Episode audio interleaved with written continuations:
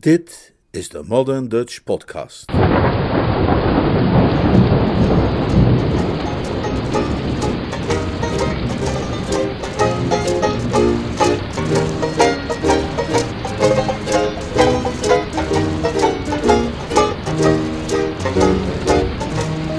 Noodweer op kasteel Blauwings. Een roman van P.G. Woodhouse, Summer Lightning, vertaald en voorgelezen door Leonard Beuk. Hoofdstuk 3. De sensationele diefstal van een varken. De dichter Calverley was van mening, zoals te lezen valt in zijn onsterfelijke Ode aan de tabak, dat er geen zielenleed bestaat dat niet door kalm tabaksgenot kan worden verdreven. Ronnie Fish zou die theorie hebben aangevochten. Dit was de derde ochtend van zijn verblijf op kasteel Blandings en hij wandelde stevig rokend door de tuin. Hij stuiterde intussen met een tennisbal om zijn gedachten te stimuleren. De tabak, hoewel van Turkse oorsprong en uitmuntende kwaliteit, was niet in staat zijn moedeloosheid te verdrijven. Het heden leek hem flets, het verleden grauw. Hij dwaalde door het zonovergrote park, stuiterde met zijn tennisbal en kreunde onderwijl inwendig van ellende. Aan de creditzijde van de rampbalans kon één enkele post worden bijgeschreven. Hugo bevond zich ook op Blandingskastel. Hij kon zich dus troosten met de wetenschap dat die lange, lenige jongeling in elk geval niet in Londen was, waar hij zijn fatale charmes op schoen zou kunnen loslaten. Maar daarmee was ook alles gezegd. Want uiteindelijk verbleven er in de metropool, zelfs wanneer je Hugo niet meerekende, nog altijd hele regimenten huwbare heren, die allemaal ofwel bekenden waren van Sue, ofwel stonden te dringen om alsnog kennis met haar te maken. De gifklier Pilbeam bijvoorbeeld. Het was maar al te goed mogelijk dat die waterpuist inmiddels een manier had gevonden om tot haar door te dringen. Een verpletterende gedachte. En zelfs als hij dat niet had gedaan, Zelfs wanneer Sue, zoals ze had beloofd, in volstrekte deugdzaamheid al het jonge geboefte dat om haar heen zwermde, consequent de deur had gewezen, met hun uitnodigingen voor dansavondjes en dineetjes, wat hielp hem dat dan nog? Het maakte zijn blik op de toekomst niet minder somber. Door naar kasteel Blandings te komen, besefte Ronnie maar al te goed dat hij een missie op zich had genomen, waarvan het al dan niet welslagen zou bepalen of zijn levensweg voortaan over rozen en mirte zou leiden, dan wel door een troosteloze woestijn. En tot dusver leek hij in zijn pogingen om wat aandacht en respect van zijn oom Clarence te verwerven nog niet echt te slagen. De keren dat hij bij Lord Emsworth in de buurt had weten te komen, had die hem aangekeken alsof hij niet bestond, dan wel alsof hij had gewild dat hij niet bestond. Het was maar al te duidelijk dat de teloorgang van de hotspot zijn koers aanzienlijk had doen dalen. De markt voor fish was uitgesproken zwak. De aandelen Ronnie konden, zelfs bij een optimistische inschatting, vast niet hoger staan dan 30 tot 35. In gedachten verzonken, maar zonder dat het hem lukte het beeld op te roepen van een goedmoedige oom die hem met de ene hand op de schouder klopt terwijl hij met de andere een cheque uitschrijft, was Ronnie wat afgedwaald van het huis en passeerde hij op zeker moment een bosje waarin hij op een laaggelegen plek een merkwaardig object ontdekte. Het was een grote gele kampeerwagen. Wat deed in hemelsnaam een kampeerwagen op het terrein van kasteel Blandings? Ter ondersteuning van het denkproces dat tot een oplossing van dat vraagstuk moest leiden, stuiterde hij zijn tennisbal tegen de zijkant van de kampeerwagen, waarop de deur openging en een bebrild hoofd naar buiten werd gestoken. Hallo, zei het hoofd. Hallo, zei Ronnie. Hallo. Hallo. Het begon een beetje op een moeizaam telefoongesprek te lijken, maar op dat moment verdween de zon even achter een wolk en kon Ronnie de eigenaar van het hoofd opeens herkennen. Tot dan toe had het licht dat in diens brillenglazen blikkerde hem verblind. Baxter! riep hij uit. Dit was wel de allerlaatste die hij verwacht had tegen te komen in het eh, park van kasteel Blandings. Hij had alles gehoord over het beruchte conflict van een paar jaar geleden. Zijn eigen koers mocht voor Lord Emsworth dan stevig gedaald zijn. Hij wist dat de aandelen Nijver Baxter in de kelder hopeloos lagen te verstoffen. Maar hier was die kerel dan toch opeens vrolijk zijn hoofd uit kampeerwagens aan het steken, alsof er niets was gebeurd. Ha, vis! Rupert Baxter kwam het trapje af. Hij was een jonge man met een arrogante uitdrukking op zijn grauwe gezicht, dat Ronnie al nooit erg had aangestaan. Wat doe jij hier? vroeg Ronnie. Ik was toevallig met de kampeerwagen hier in de buurt op vakantie. En toen ik gisteravond door Market Blandings kwam, wilde ik toch eigenlijk wel heel graag nog eens een bezoek brengen aan de plek waar ik zoveel gelukkige jaren heb doorgebracht. Oh, juist. Kun je me misschien zeggen waar ik Lady Constance kan vinden? Ik heb haar sinds het ontbijt niet meer gezien. Ze loopt hier waarschijnlijk wel ergens rond. Ik zal het even navragen. Als jij ziet, wil je dan alsjeblieft nog even niet zeggen dat je mij hier gezien hebt? Met dezelfde doelgerichte pas als vroeger beende de nijvere Baxter er vandoor. Ronnie stelde zich een ogenblik voor hoe oom Clarence zou reageren als hij plotseling dit stuk dood verleden de hoek om zag komen en koesterde zelfs even de ijdele hoop daarbij aanwezig te kunnen zijn met een camera in zijn hand. Daarna stak hij een nieuwe sigaret in zijn sigarettenpijpje en wandelde verder. Vijf minuten later kreeg Lord Emsworth, die om de frisse ochtendlucht op te snuiven peinzend uit het raam leunde van de bibliotheek, een onaangename schok. Hij had kunnen zweren dat hij zijn voormalige secretaris, Rupert Baxter, over het grind zag lopen en door de voordeur naar binnen gaan. Gro grote genade, zei Lord Emsworth. De enige verklaring die hem te binnen wilde schieten was dat Baxter wellicht een fataal ongeluk had gekregen en nu was teruggekeerd om te komen spoken op Blandings. De gedachte dat de man in levende lijven kon zijn gearriveerd was te absurd. Wanneer men een secretaris de laan uitstuurt wegens het gooien met bloempotten tijdens de kleine uurtjes, dan komt hij niet later nog eens gezellig op visite. Lord Emsworth fronste diep. De geest van een van zijn voorouders had hij kunnen verdragen, maar de gedachte aan een kasteel Blandings waar de schim van een Baxter rondwaarde kon hem allerminst bekoren. Hij besloot zijn zuster Constance te gaan opzoeken in haar boudoir om eens te kijken wat zij erover te zeggen had. Uh, uh, mijn lieve Constance. Lady Constance keek op van de brief die ze aan het schrijven was. Zij klakte met haar tong, want ze had er een hekel aan te worden gestoord bij haar correspondentie. Wat is het, Clarence? Zeg, Constance, er is mij zojuist iets, heel, heel, merkwaardigs overkomen. Ik keek uit het raam van de, van de bibliotheek en herinner jij die Baxter nog? Ja, natuurlijk herinner ik mij Mr. Baxter.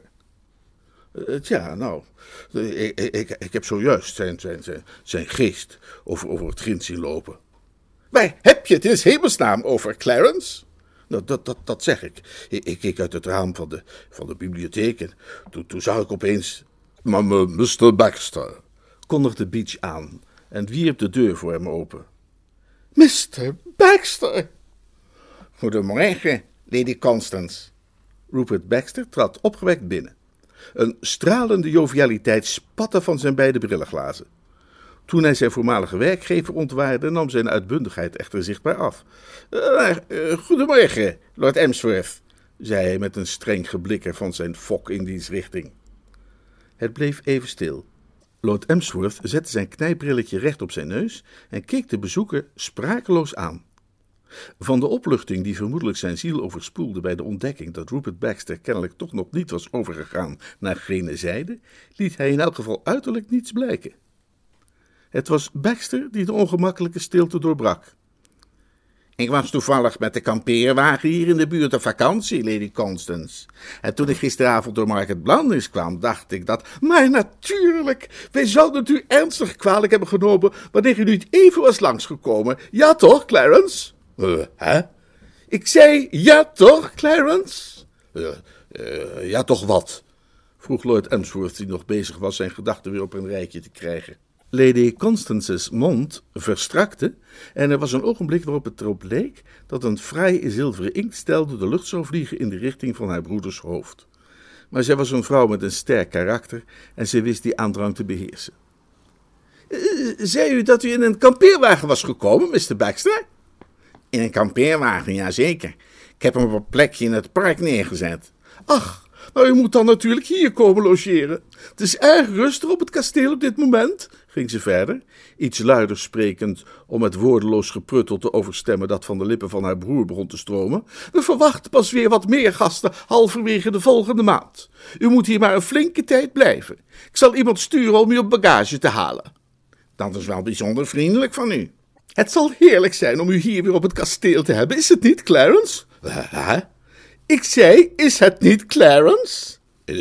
Is het niet wat? Lady Constance's hand zweefde trillend boven het inkstel als een fladderende vlinder boven een honingrijke bloem. Maar zij trok hem terug. Zal het niet verrukkelijk zijn, zei ze met een onvermijdelijke en verzengende blik als de oude zeeman uit de ballade, om Mr. Baxter weer op het kasteel te hebben? Ik, ik, ik ga naar mijn varken, zei Lord Emsworth. Op zijn vertrek volgde een stilte als was er zojuist een lijkkist uitgedragen. Maar Lady Constance wist de somberheid van zich af te schudden. Oh, Mr. Baxter, ik ben toch zo blij dat u bent gekomen. En wat slim van u om met een kampeerwagen te komen. Zo lijkt het helemaal alsof het toeval is dat u hier bent. Ik dacht dat het verstandig zou zijn. U denkt ook overal aan. Rupert Baxter liep naar de deur, deed die open, verzekerde zich ervan dat er zich niemand in de gang ophield en ging weer op zijn plaats zitten. Zijn er problemen, Lady Constance? Uw brief was bijzonder dringend van toon. Ja, er is een afschuwelijk probleem, Mr. Baxter. Als Rupert Baxter een ander soort man was geweest en Lady Constance Keeble een ander soort vrouw, dan zou hij op dat moment haar hand hebben vastgenomen. Zoals het nu was, schoof hij alleen zijn stoel anderhalve centimeter dichterbij. Is er iets wat ik zou kunnen doen?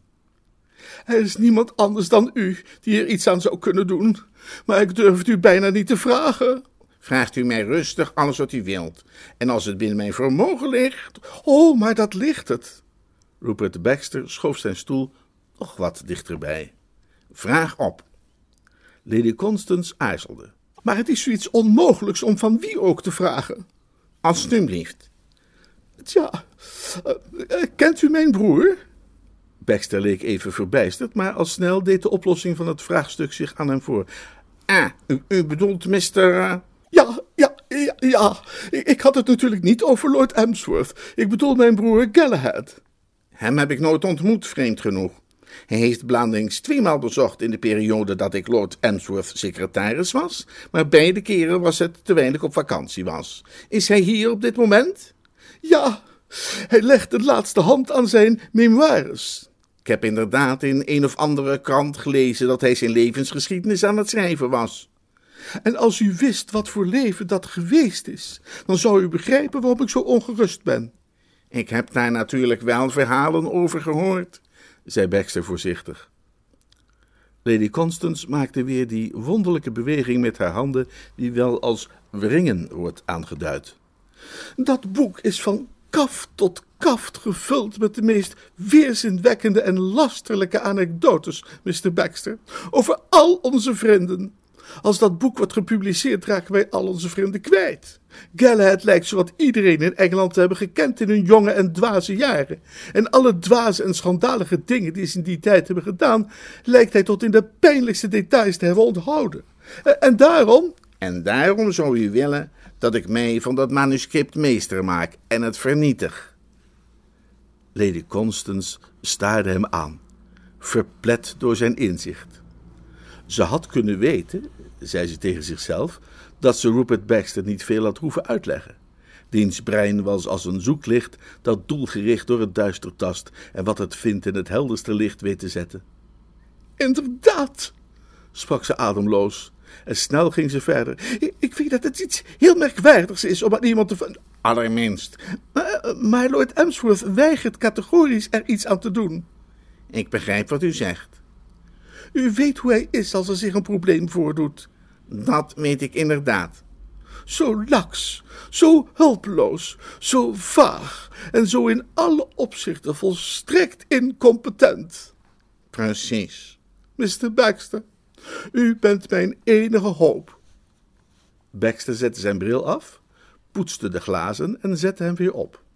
Het zal mij een genoegen zijn, Lady Constance, om voor u alles te doen wat in mijn vermogen ligt. En het bemachtigen van dat manuscript lijkt mij een eenvoudige taak. Maar bestaat er maar één exemplaar van? Ja, ja, ja, dat, dat weet ik zeker. Gallet heeft me gezegd dat hij het eerst helemaal af wilde hebben voordat hij het laat uittypen. Dan hoeft u zich verder werkelijk niet meer ongerust te maken. Op dat moment zou Lady Constance Keble er veel voor hebben gegeven de gave der welsprekendheid te bezitten. Ze zocht hopeloos naar woorden die geschikt waren om tot uitdrukking te brengen wat ze voelde, maar ze kon die niet vinden. Oh, Mr. Baxter, zei ze. Ronnie Fish, doelloos dwalende voeten, hadden hem inmiddels westwaarts gevoerd. Het had zodoende niet lang geduurd eer zijn reukorgaan getroffen werd door een even vertrouwde als doordringende geur, en hij besefte dat hij het vrijstaande verblijf naderde dat de keizerin van Blandings benutte als gecombineerde slaapkamer en restaurant. Een paar stappen en hij kon de gevierde kampioenen in hoogst eigen persoon aanschouwen. Het hoofd diep gebogen en de staart kwispelend van pure joie de vivre, was de keizerin juist ijverig bezig een smakelijke lunch naar binnen te werken. Iedereen ziet graag iemand anders eten. Ronnie leunde belangstellend over het hek. Hij had de tennisbal nog altijd in zijn hand en met een verstrooide beweging van zijn pols stuiterde hij die op de rug van de zilveren medaillewinnares. Het gaf een plezierig plong geluid dat kalmerend werkte op zijn aangetaste zenuwen, dus deed hij het nog eens. De keizerin bleek perfect geschikt om op te stuiteren. Ze had ook niet de spits toelopende rug van het gemiddelde zwijn, zij bood een breed en veerkrachtig oppervlak. Een aantal minuten zette het stel zijn wederzijdse activiteiten dan ook in alle tevredenheid voort. Zij at en hij stuiterde, waarbij Ronnie tot zijn genoegen ontdekte dat deze vorm van buitensport het denkvermogen kennelijk stimuleerde. Uit de grauwe mist van zijn gedachtenleven kwam langzaam een aanvankelijk nog wat vaag idee naar voren. Een plan van actie dat steeds helderder vormen begon aan te nemen. Wat bijvoorbeeld hiervan te zeggen?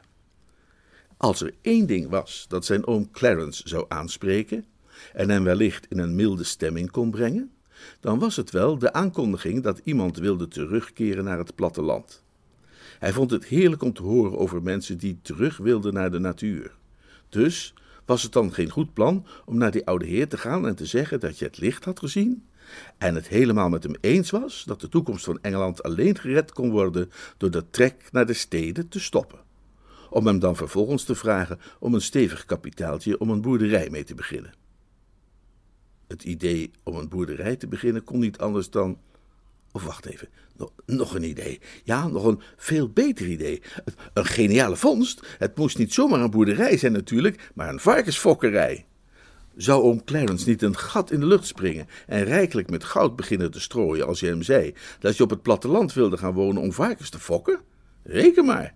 Daar durfde hij zijn zondagse manchetknopen onder te verwedden. En als het geld dan eenmaal veilig zou zijn overgeboekt op de rekening van Ronald Overbury Fish bij Cox Bank, dan was het hopla, regelrecht hand in hand met Sue naar het stadhuis. Er klonk een muzikaal plong toen Ronnie de bal voor de laatste keer stuiterde op de zelfvoldane rug van de keizerin. Daarna liep hij niet langer met slepende tred, maar met verende pas in de richting van het kasteel, klaar om onderweg de laatste details uit te werken van zijn plan, alvorens naar binnen te gaan en het onverwijld voor te leggen. Het gebeurt maar al te vaak dat als je zo'n geniale inval hebt gehad, je kort daarna, als je er nog eens over nadenkt, je toch plotseling een fatale misrekening ontdekt. Een dergelijke teleurstelling bleef Ronnie Fish in dit geval bespaard. Zeg, oom Clarence, zei hij dan ook een half uurtje later de bibliotheek binnenzeilend. Lord Emsworth was diep verzonken in de jongste aflevering van een weekblad op het gebied van de varkensmesterij. Dat Lord Emsworth's blik toen hij opkeek niet echt vriendelijk was, verontrustte hem niet direct.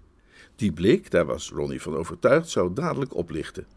Op dit moment mocht Lord Emsworth dan misschien niet de juiste uitstraling bezitten om te kunnen poseren voor een portret als de gulhartige oom. Dat zou, meende Ronnie, in de meest nabije toekomst zomaar eens helemaal kunnen veranderen. Zeg, oom Clarence, nog eens over dat kapitaal van mij. Dat, dat, dat, dat, dat wat? Dat kapitaal van mij, dat geld. De erfenis die u onder uw beheer hebt. En die u trouwens voortreffelijk beheert, zei Ronnie voorkomend. Ik, uh, ik heb daar nog eens over nagedacht. En ik zou graag willen, als u daarmee instemt, uh, dat u een deel daarvan beschikbaar zou stellen voor een bedrijf dat ik van plan ben op te zetten. Hij had niet verwacht dat Lord Emsworth blik nu al meteen op zou lichten, en dat was dan ook inderdaad niet het geval. Achter de glazen van zijn pince-nez bleven de ogen van zijn oom er vooralsnog uitzien als oesters in een aquarium. wil, wil je soms weer een, een, een nachtclub beginnen? Lord Emsworth sprak op koele toon en Ronnie haastte zich om in elk geval dat idee te corrigeren. Nee, nee, nee, nee, niets in dat genre. Nachtclubs zijn niets gedaan. Daar had ik nooit aan moeten beginnen. Sterker nog, oom Clarence, ik zie helemaal niets meer in Londen zoals het nu is. Ik ga helemaal voor het platteland. Ik vind dat de trek naar de steden moet worden tegengegaan. Waar Engeland behoefte aan heeft, is dat meer jonge mensen terugkeren naar het platteland. Zo denk ik er tenminste over. Ronnie Fish begon nu toch wel weer iets van ongerustheid te voelen. Hij had erop gerekend dat vanaf dit punt in de conversatie het oplichten van de blik toch minstens zou beginnen. Maar als hij naar die ogen keek, dan moest hij tot zijn teleurstelling toch constateren dat ze oesterachtig waren gebleven als tevoren. Hij voelde zich als een acteur die na zijn grote monoloog op een applaus had gerekend, maar in een ijzeren stilte af moet gaan. Hij bedacht dat zijn oom wellicht wat hardhorend was geworden. Naar het platteland, herhaalde hij nu op wat luidere toon. Meer mensen naar het platteland. Daarom zou ik wat kapitaal willen hebben om een boerderij te beginnen. Hij zette zich schrap voor de ultieme onthulling. Ik wil varkens gaan fokken, zei hij plechtig. Er was iets mis. Het viel niet meer te ontkennen. In plaats van een gat in de lucht te springen en met goud te gaan strooien, staarde zijn oom hem uitsluitend aan op een steeds onplezieriger manier. Lord Emsworth had zijn pince-nez afgenomen en poetste de glazen, en Ronnie ervoer zijn naakte blik alsnog aanmerkelijk minder sympathiek dan achter glas. Varkens! riep hij uit om zijn gevoel van angst te overschreeuwen. varkens? Varkens! Jij, jij wilt varkens gaan fokken? Precies, bulderde Ronnie. Varkens! En ergens uit zijn diepste reserves wist hij een innemende glimlach op te delven en op zijn gezicht uit te stallen. Lord Emsworth klemde zijn pince-nez terug op zijn neus. Hm. En ik neem aan, zei hij diep vanuit zijn keel en trillend van zijn kale hoofd tot in zijn ruimvallende schoenen, dat, dat, dat als jij, jij die varkens dan hebt, jij de god, god, ganse dag tennisballen gaat staan stuiteren op hun rug. Ronnie verschoot van kleur. Die klap was hard aangeknomen. De innemende glimlach bleef rond zijn lippen hangen alsof hij daar met punaises was vastgezet, maar zijn ogen werden groot van ontzetting. Uh, uh, hè? mompelde hij zwakjes. Lord Emsworth stond op. Zolang hij de gewoonte behield gekleed te gaan in een oud jagersjasje met doorgesleten ellebogen en een afgezakte das waarachter een koperen boordenknoopje zichtbaar werd, kon hij niet hopen volkomen overtuigend over te komen als beledigde majesteit, maar hij wist het optimaal verontwaardigde effect te bereiken dat zijn plunje hem toestond. Hij verhief zich in zijn volle lengte, die aanzienlijk was, en keek vanuit die ijle hoogte grimmig op zijn neef neer. Ja, ik, ik heb gezien wat jij deed. Ik was op weg naar het varkenshok en ik zag hoe jij daar met je duivelse tennisballen op de rug van mijn varken stond te stuiteren.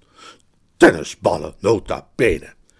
Het was alsof er vlammen tevoorschijn schoten uit de glazen van zijn pince Besef jij wel dat de, de, de keizerin van Blandings een uitzonderlijk fijngevoelig dierbesnijdt dier is, dat bij de minste aanleiding geneigd is haar voedsel te laten staan? Je zou het werk van weken of zelfs maanden te niet hebben kunnen doen met je waanzinnige tennisbal. Uh, het spijt me. Ja, wat, wat, wat, wat, wat heb ik daar aan?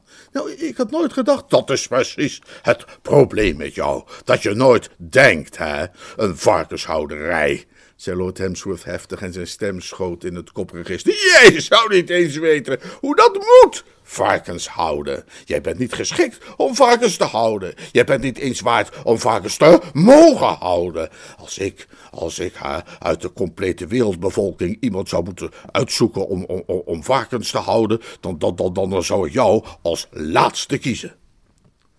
Ronnie Fish tastte naar de rand van de tafel om zich daar aan vast te kunnen houden.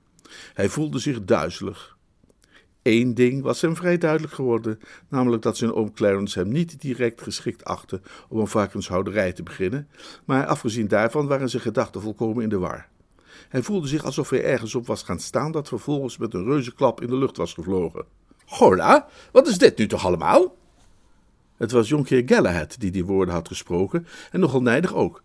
Hij had in de kleine bibliotheek zitten werken met de deur op een kier en had het geluid van stemmen storend gevonden bij zijn literair scheppend werk. Terecht geïrriteerd kwam hij kijken wat er aan de hand was. Zeg, Clarence, kun jij niet ergens anders gaan lopen reciteren of wachten tot ik klaar ben met mijn werk? zei hij. Waar gaat dit trouwens allemaal om? Lord Emsworth was nog volop verontwaardigd. Hij, hij heeft met, met tennisballen gestuiterd op mijn varken.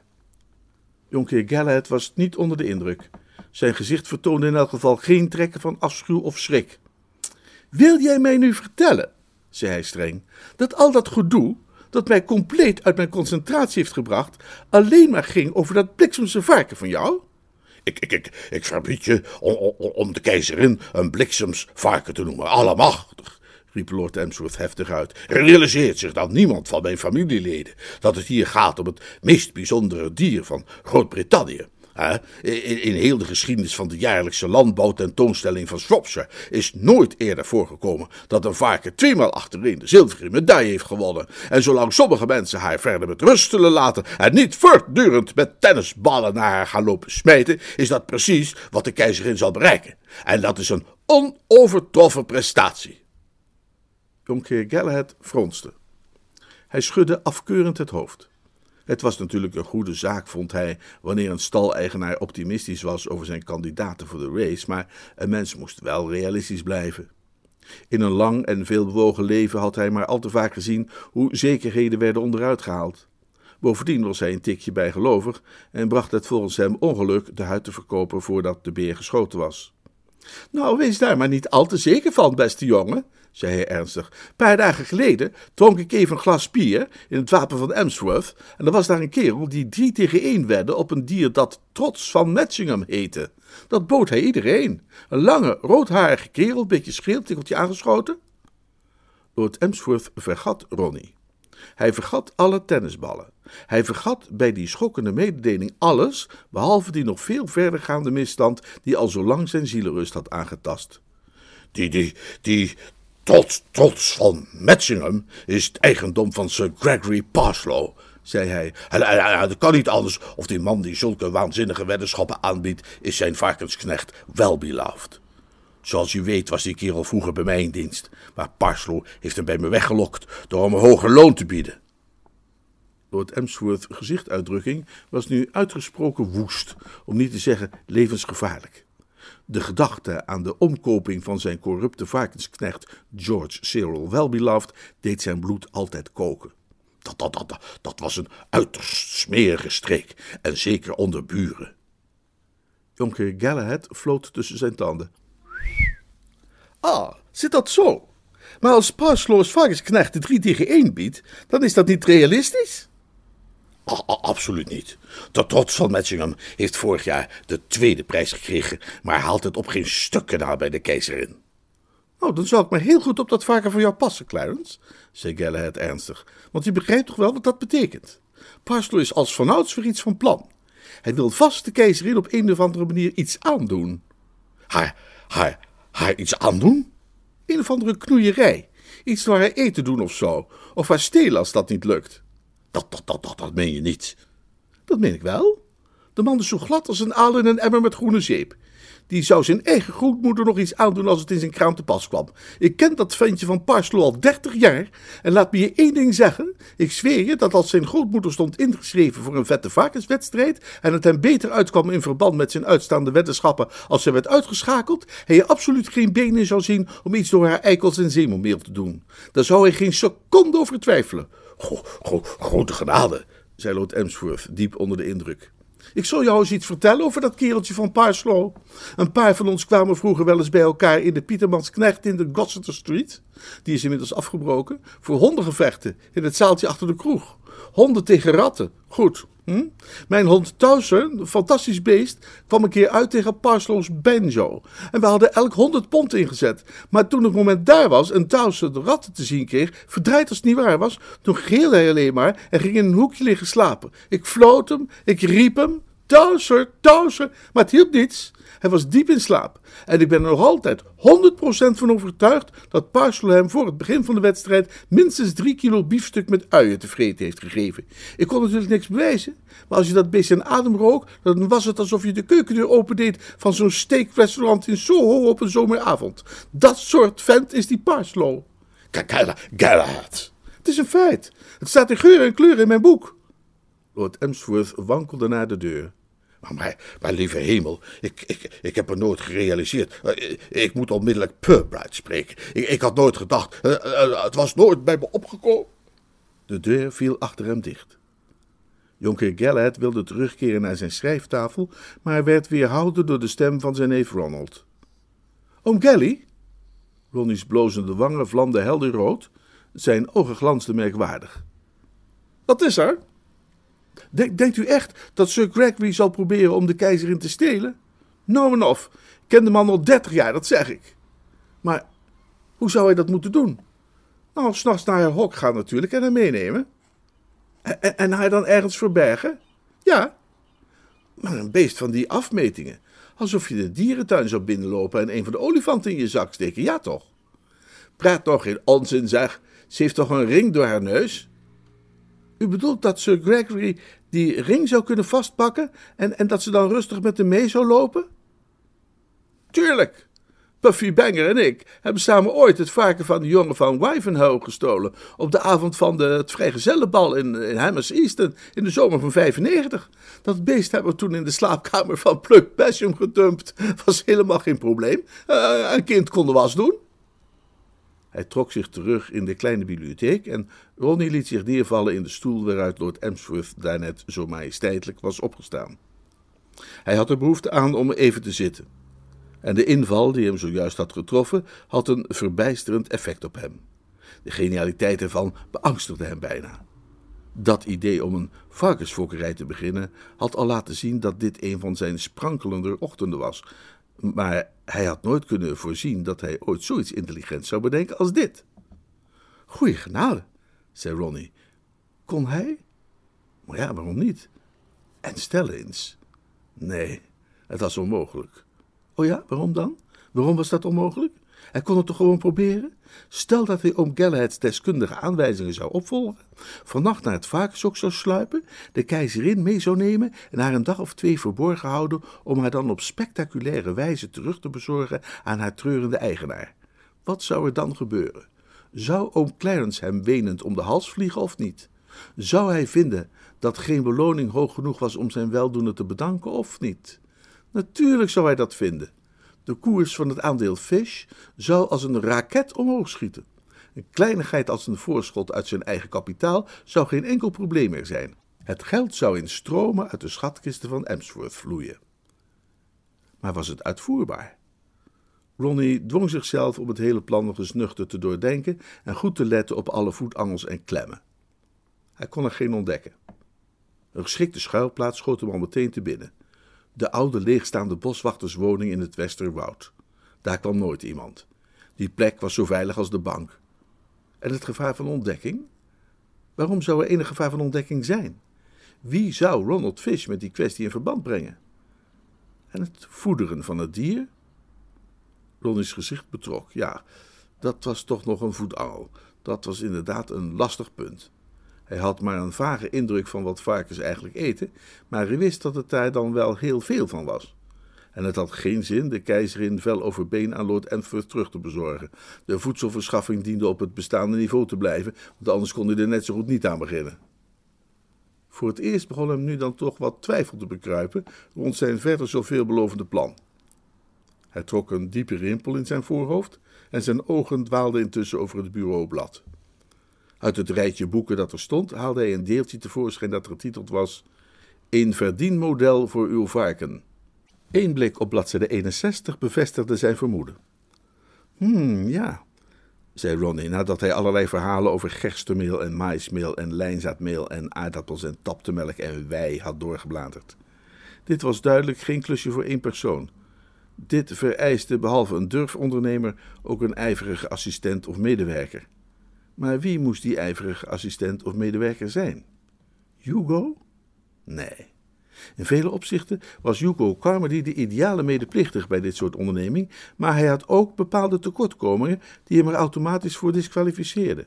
Als hij Hugo aanstelde als zijn linkerhand, hield dat in dat hij hem de drijfveren zou moeten onthullen die achter het hele plan lagen. En als Hugo wist dat hij, Ronnie, fondsen probeerde te werven om te kunnen trouwen, dan zou heel Shropshire daar binnen de kortste keren van op de hoogte zijn. Afgezien van een artikel op de voorpagina van de Daily Mail of een rechtstreekse radio-uitzending, was de beste manier om een wijde publiciteit te geven aan alles wat maar beter onder de pet kon blijven, dat aan Hugo Carmody te vertellen. Een geweldige kerel, maar een hopeloze kletskous. Nee, Hugo zou het niet worden. Maar wie dan wel? Ah. Ronnie Fish sprong op van zijn stoel, gooide zijn hoofd achterover en jodelde zo opgetogen en doordringend dat de deur naar de kleine bibliotheek dadelijk opensprong alsof hij op een knopje had gedrukt. Een verstoord literator schoot tevoorschijn. Hou onmiddellijk op met dat gruwelijke lawaai. Hoe kan ik nu eens hemelstaan werken met dit soort herrie op de achtergrond? Sorry, oom. Ik dacht opeens ergens aan. Ga dan als de bliksem ergens anders aan staan denken. En hoe schrijf je laveloos? Zonder en in het midden. Dankjewel.